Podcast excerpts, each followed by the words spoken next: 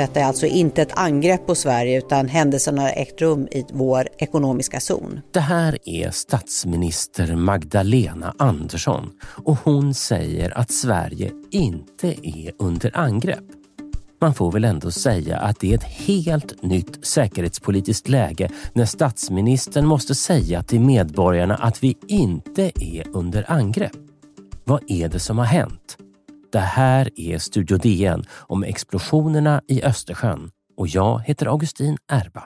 Och med mig har jag nu Mikael Holmström, säkerhetspolitisk reporter på Dagens Nyheter och också medlem i Kungliga krigsvetenskapsakademin. Och jag tänkte börja den här podden, jag ska strax släppa in Mikael, men jag ska börja den här podden med att vara väldigt tydlig. Vi vet nästan ingenting om explosionerna. Men vi vet väldigt många saker om vad som händer runt omkring. Så Micke, ska vi börja med explosionerna? Vad var det som exploderade? Ja, det var ju två gasledningar som går från Ryssland till Tyskland. Mm. Nord Stream 1 och 2.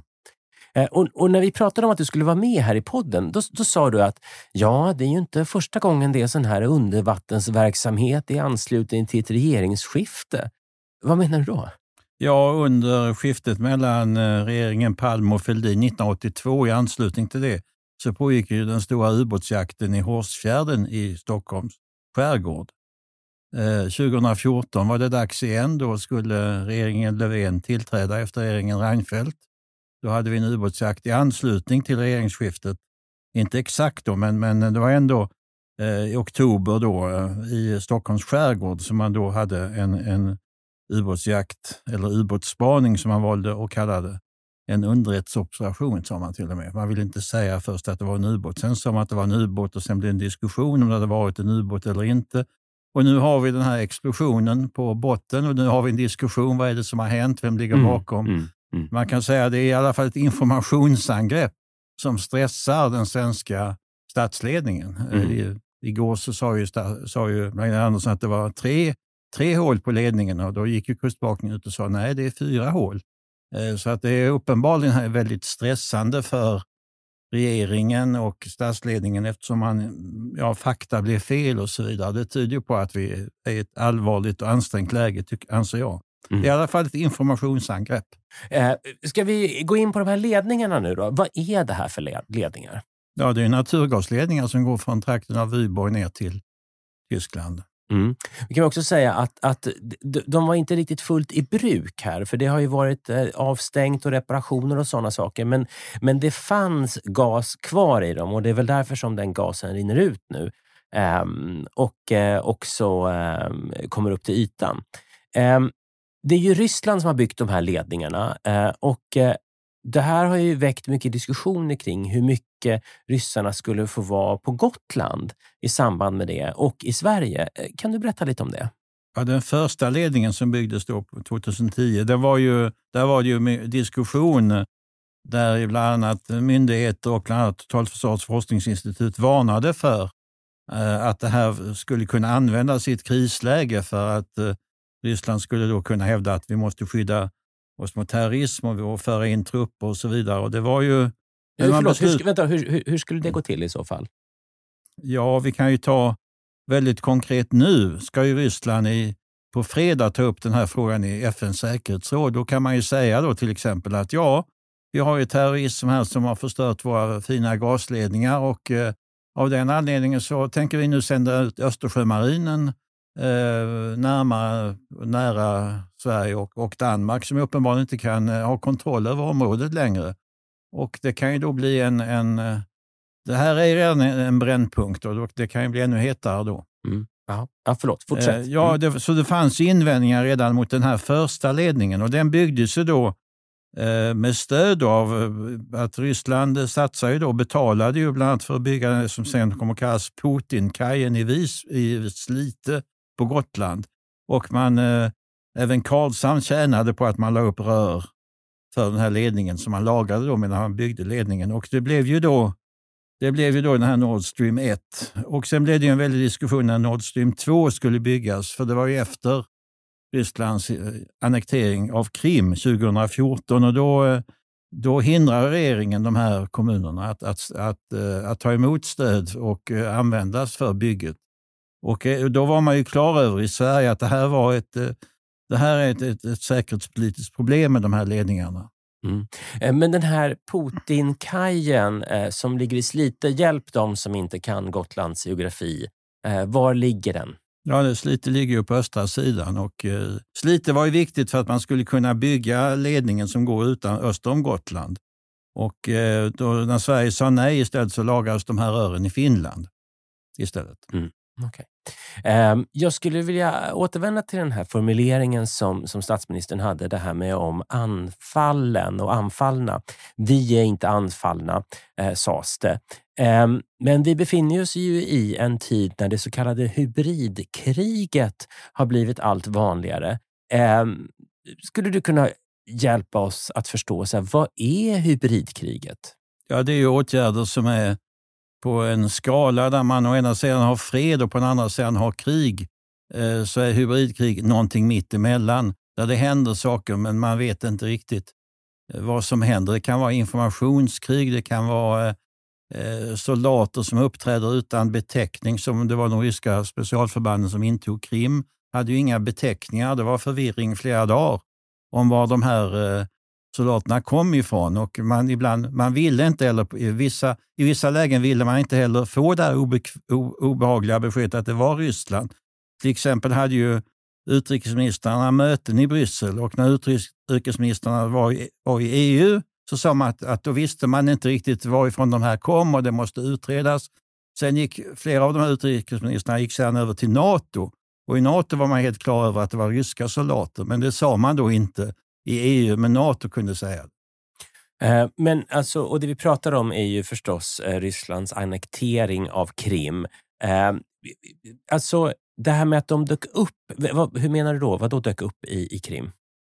Ja, det var ju så att eh, Ryssland hade ju bestämt sig för att annektera Krim och då ordnade man eh, så kallade olika spontana uppror och så vidare. Och eh, det var Eh, man, vill, man som ville då tillhöra, grupper ville tillhöra Ryssland och det, det var ett, ett, olika eh, väpnade mm, förband som dök upp då och tog makten. Och då sa, förnekade ju Ryssland och Putin att det var, att det var de som låg bakom. Och det var ju, det var ju ryska specialsoldater, men man hade inga uniformsbeteckningar. Men uniformerna var ju den, av senaste ryska modell och vapnen och sikarsikten och så vidare. Militära experter såg ju väldigt snabbt att det här är ryska soldater. Men media liksom och eh, eh, politiker pratar i flera dygn om att vi vet inte vad det här är och så vidare. Det här skapar en osäkerhet och det gjorde också att omvärldens reaktion blev då försenad därför att man visste inte exakt eh, vad det här var. Eller, eller man ville inte ta till sig det som underrättelsetjänsterna sa. Det är ju ganska vanligt att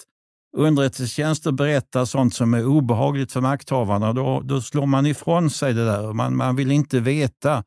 Eh, det är samma som med pandemin. Det tog en väldig tid innan, innan man vidtog åtgärder, till exempel i Sverige, för det här stämde inte med föreställningsvärlden att vi, att vi visste och vi förstod hur en pandemi sprids och, och, och våra myndigheter har kontroll och så vidare. Och, och, och det visade sig att så var det ju inte riktigt. Man har svårt att ta till sig ovänt, oönskade besked. Och det oönskade besked som du lämnar till mig nu och till lyssnarna på Studio DN, det är att vi befinner oss i hybridkriget, om jag förstår dig rätt. Ja, och det kan mycket väl... Eh, ja, det är inget, Ukraina är inget hybridkrig. Eh, där är hybridkriget en del av den väpnade konflikten, underordnad den, men det, det, det här pågår ju. Jag menar, som de här uppgifterna, vem, vem ligger bakom? Ja, det är ju lite alla beskyller alla för det här och ingen har några bevis. Vi är strax tillbaka och då ska vi som sanna detektiver undersöka vem som hade motiv och möjlighet till detta.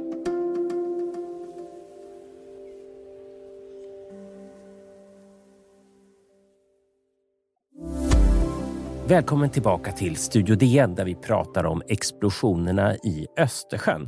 Vi vet fortfarande inte särskilt mycket, men hittills under programmet har vi rätt ut vad som har hänt. Och nu tänkte jag att vi skulle ge oss in i frågan om varför det har hänt. Och med oss har vi då eh, Mikael Holmström som är säkerhetspolitisk reporter här på Dagens Nyheter. Eh, det finns ju flera som redan pekas ut som skyldiga. Eh, till exempel ryssarna, amerikanerna och ukrainarna.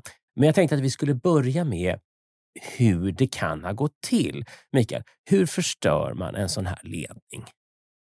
Ja, det finns ju, eh, det finns ju olika sätt att föra fram eh, de här sprängladdningarna. Eh, för det är ju det det har varit uppenbarligen. Det ena är ju att, att man går dit med ett ytfartyg och sänder ner dykare. Det, det är 60 till 80 meter djupt där. Det är inte det är inte så, det, det, det är inte så svårt att, att, dyka. Det går att göra på det. Eh, och då sätter man då dit eh, sprängladdningar och sedan eh, och de har då en, in, en sändare på, en mottagare på sig. Sedan åker man därifrån med ytfartyget. Och sen, det kan ju ske långt innan den här sprängningen sker. Sen ut, sen, långt innan? Vadå? Flera år innan? Ja, kanske någon månad i alla fall. Mm.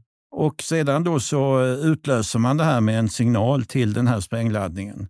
Och då, eh, ja, det finns inga spår. Den andra metoden är givetvis att göra det helt dolt eh, genom att, eh, att sända dit en ubåt eller en miniubåt och de har ju dykare ombord. Eh, även Sverige har ju dykare som opererar från ubåtar. Det är nästan enklare kan man säga från, från, från en ubåt och då är man ju, löper man ingen risk att bli upptäckt och då lägger man den eh, ubåten på botten kanske 10-50 meter ifrån ledningen och så sänder man ut en dykare och det är samma procedur då. Man placerar den här sprängladdningen med en sändare. Sen åker man därifrån och det är samma sak där. Man kan utlösa den på avstånd. Man behöver inte vara allt för nära för att göra det. Och framförallt så, så, så upptäcks man inte. Det är fördelen med undervattensverksamhet, att det går inte att spåra så att säga vem, eller väldigt svårt att spåra vem ligger bakom. Mm. Um, om man då tittar på de som då um, har möjlighet att utföra en sån här operation. Vilka, vilka, jag menar ubåtar till exempel, det är ju inte alla länder som har ubåtar. Vil, vilka är, är, det som skulle kunna ha möjlighet att göra en sån här sak? Ja, I Östersjön är det ju Ryssland, Sverige, Polen, eh, Tyskland mm. som har ubåtar. Mm.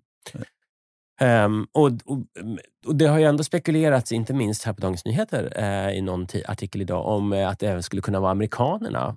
Um, vad vet vi om deras ubåtar i, i, i um, Östersjön? Eh, de är här väldigt sällan.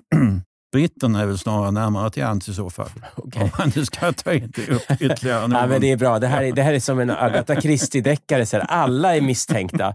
Eh, så är det. Även britterna. Ja, det... Och fransmännen också säkert. Ja, ja men det är precis vad... Har kapacitet. Jag säger inte att de har varit här. Nej, men jag tänker att, att britterna har väl fullt upp med att rädda sitt sjunkande pund. Eh, ska inte, behöver inte en sjunkande ubåt också i, i Östersjön. Jag tror att såna här, sånt här planläggs på väldigt lång sikt. Det finns, stormakterna planerar för allting. Och en sån här operation, om det är, om det är en statlig historia det är frågan om, då, då är det liksom, eh, då har de formulär 1A hur, hur, hur vi spränger eh, gasledningar i Östersjön. Mm, mm. Um, om vi tittar på de huvudmisstänkta då. Uh, vi börjar med um, amerikanerna. Då. Um, nu är inte de mest misstänkta, utan ryssarna är mest misstänkta. Men jag tycker ändå att vi kan börja med amerikanerna. Vad, vad har USA att vinna på, på en sån här sak? De har ju varit emot de här gasledningarna eh, eh, från början och försökt avråda framförallt Tyskland för att ge sig in i det här beroendet. Så de har ett intresse av att eh, av att, av att få dem ur världen. Men, men samtidigt, eh, eh, man har ju på diplomatiska... Ryssarna stoppar ju leveranserna själva i Nord Stream 1 här eh, och skyller på tekniska problem. Och Nord Stream 2 har ju amerikanerna med diplomatiska metoder eh, och påtryckningar fått tyskarna att säga att de inte ska starta än så länge det här kriget pågår. Kanske inte no, no, någonsin. Så att, eh, ja, de har ju redan nått sitt syfte kan man säga, USA. Mm. Um, jag läste på någon sida att, de, att de, eh, det spekulerades i att, att det var för att eh, skada den, den, eh, europeiska bilindustrin och eh, rädda den amerikanska bilindustrin. Men, men eh, den, de spekulationerna stämmer ju inte därför att de här rörledningarna är ju faktiskt inte de enda som går till Europa. Utan det är bara några stycken. så. så att, eh, ja, Det är mycket spekulationer och man skyller på många olika ställen här. Ska vi beta av Ukraina också? Ja, men alltså, konspirationsteorier, det kan, man ju koppla, det kan man ju ha hur många som helst. Men ofta är verkligheten mycket enklare än så. Det, där är vi helt överens. Vad säger vi om Ukraina då, som också pekas ut? De har fullt, fullt upp att försvara sitt eh, fastland och sin Svarta havskust. Jag tror inte de har eh, varken resurser eller, eller eh, intresse av att eh, sätta igång någonting i Östersjön. Nej. Eh, aktivister då? Det kan man inte utesluta att eh, några som har mycket pengar vill, eh, vill eh, straffa Putin eller Tyskland. Mm. Och På vilket sätt då, tänker du? Ja, det är inte, det är inte omöjligt att man, att man eh, har ett horn i sidan till eh, Putin av något skäl som vi inte känner till eller till Gazprom Eh, Eh, och, och, eh, och, att man vill hämna, vi, sätt, eh, ja, skada honom. Och Det här är ett sätt att göra det. Om man är ryss, hatar Putin och har mycket pengar. Ah, ja, ja. Det har ju varit eh, oligarker. Oligarker har ju fallit som Ja, alltså det är många av dem som har ramlat från olika balkonger och, och höga höjder här. Så det, det, är klart att det finns oligarker som ogillar Putin. så. Um, Okej, okay, men ryssarna då? Eh, de jag säger, nu är vi, vi är verkligen inne och spekulerar här. Ja, Ryssland ja. Eh, har ju, kan ju ha olika motiv. Ett kommersiellt motiv eh, och det är ju det att de kan ju få åka ut för skadestånd för att de stoppade leveranserna av gasen i den här Nord Stream 1. Och då kan man Ja, men då kan man säga att det är force majeure. Ledningen är sprängd. Vi kan inte betala ut några pengar. Det är ett, möjligen ett, ett ekonomiskt motiv. Ett, ett, militärt motiv skulle ju vara att, att, eh, att, eh, att det här är bara ett, ett första schackdrag i en upptrappning och då, eh, då har de här ledningarna förstörts och det visar att, att i Östersjön kan man inte lita på, liksom, det finns ingen säkerhet och, och vi, måste, vi måste ha en militär skyddsskärm eh, som kommer att börja i Kaliningrad och gå långt ut i Östersjön. Och den skyddsskärmen eh, kan vara inledningen på en större militär operation mot väst för att, komma, för att, så att säga, flytta fokus från Ukraina och eh, sätta in marin och flygstridskrafter som inte har haft så mycket att göra eller inte lyckats så väl i Ukraina-konflikten. Mm. Ett varningsskott helt enkelt. Um, i Norge har man ju satt in försvaret nu för att bevaka delar av sin, sin energiinfrastruktur, om man nu ska kalla gasledningar för det. Eh, vad tror du kommer hända i Sverige på den fronten? Ja, vi har ju inga, inga sådana anläggningar som Norge. De har ju stora plattformar ute till havs med hundratusentals människor som arbetar där, så vi har ju inte eh, samma möjligheter. Men eh, våra övervakningsmöjligheter av, av, av under vattnet, de, de system vi hade, det var ju väldigt nära kusterna. De är ju, drogs ju upp efter kalla kriget. Det finns nästan ingenting kvar. Vi har väldigt svårt att övervaka vad som sker under vattnet. Den enda möjligheten är att vi skickar ut våra få ubåtar som kan lyssna och kan lyssna på långa avstånd om vad som sker under vattnet. Mm. Um... Sen har vi givetvis flyg och uh, ytfartyg som kan se vad som sker på ytan. Mm.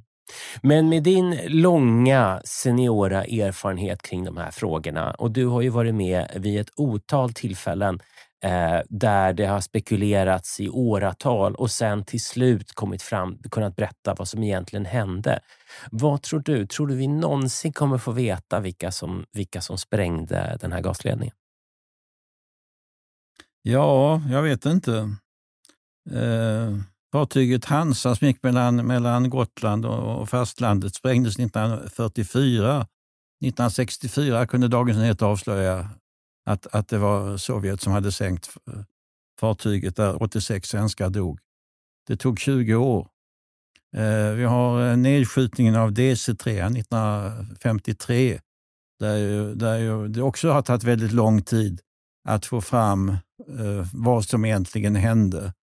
Ehm, så att det är, men nu, och det är fascinerande att nu när vi lever i den så kallade informationsåldern Så när vi spelar in det här, det har väl gått ungefär 40 timmar sedan de första sprängningarna och fortfarande vet vi ju förvånansvärt lite.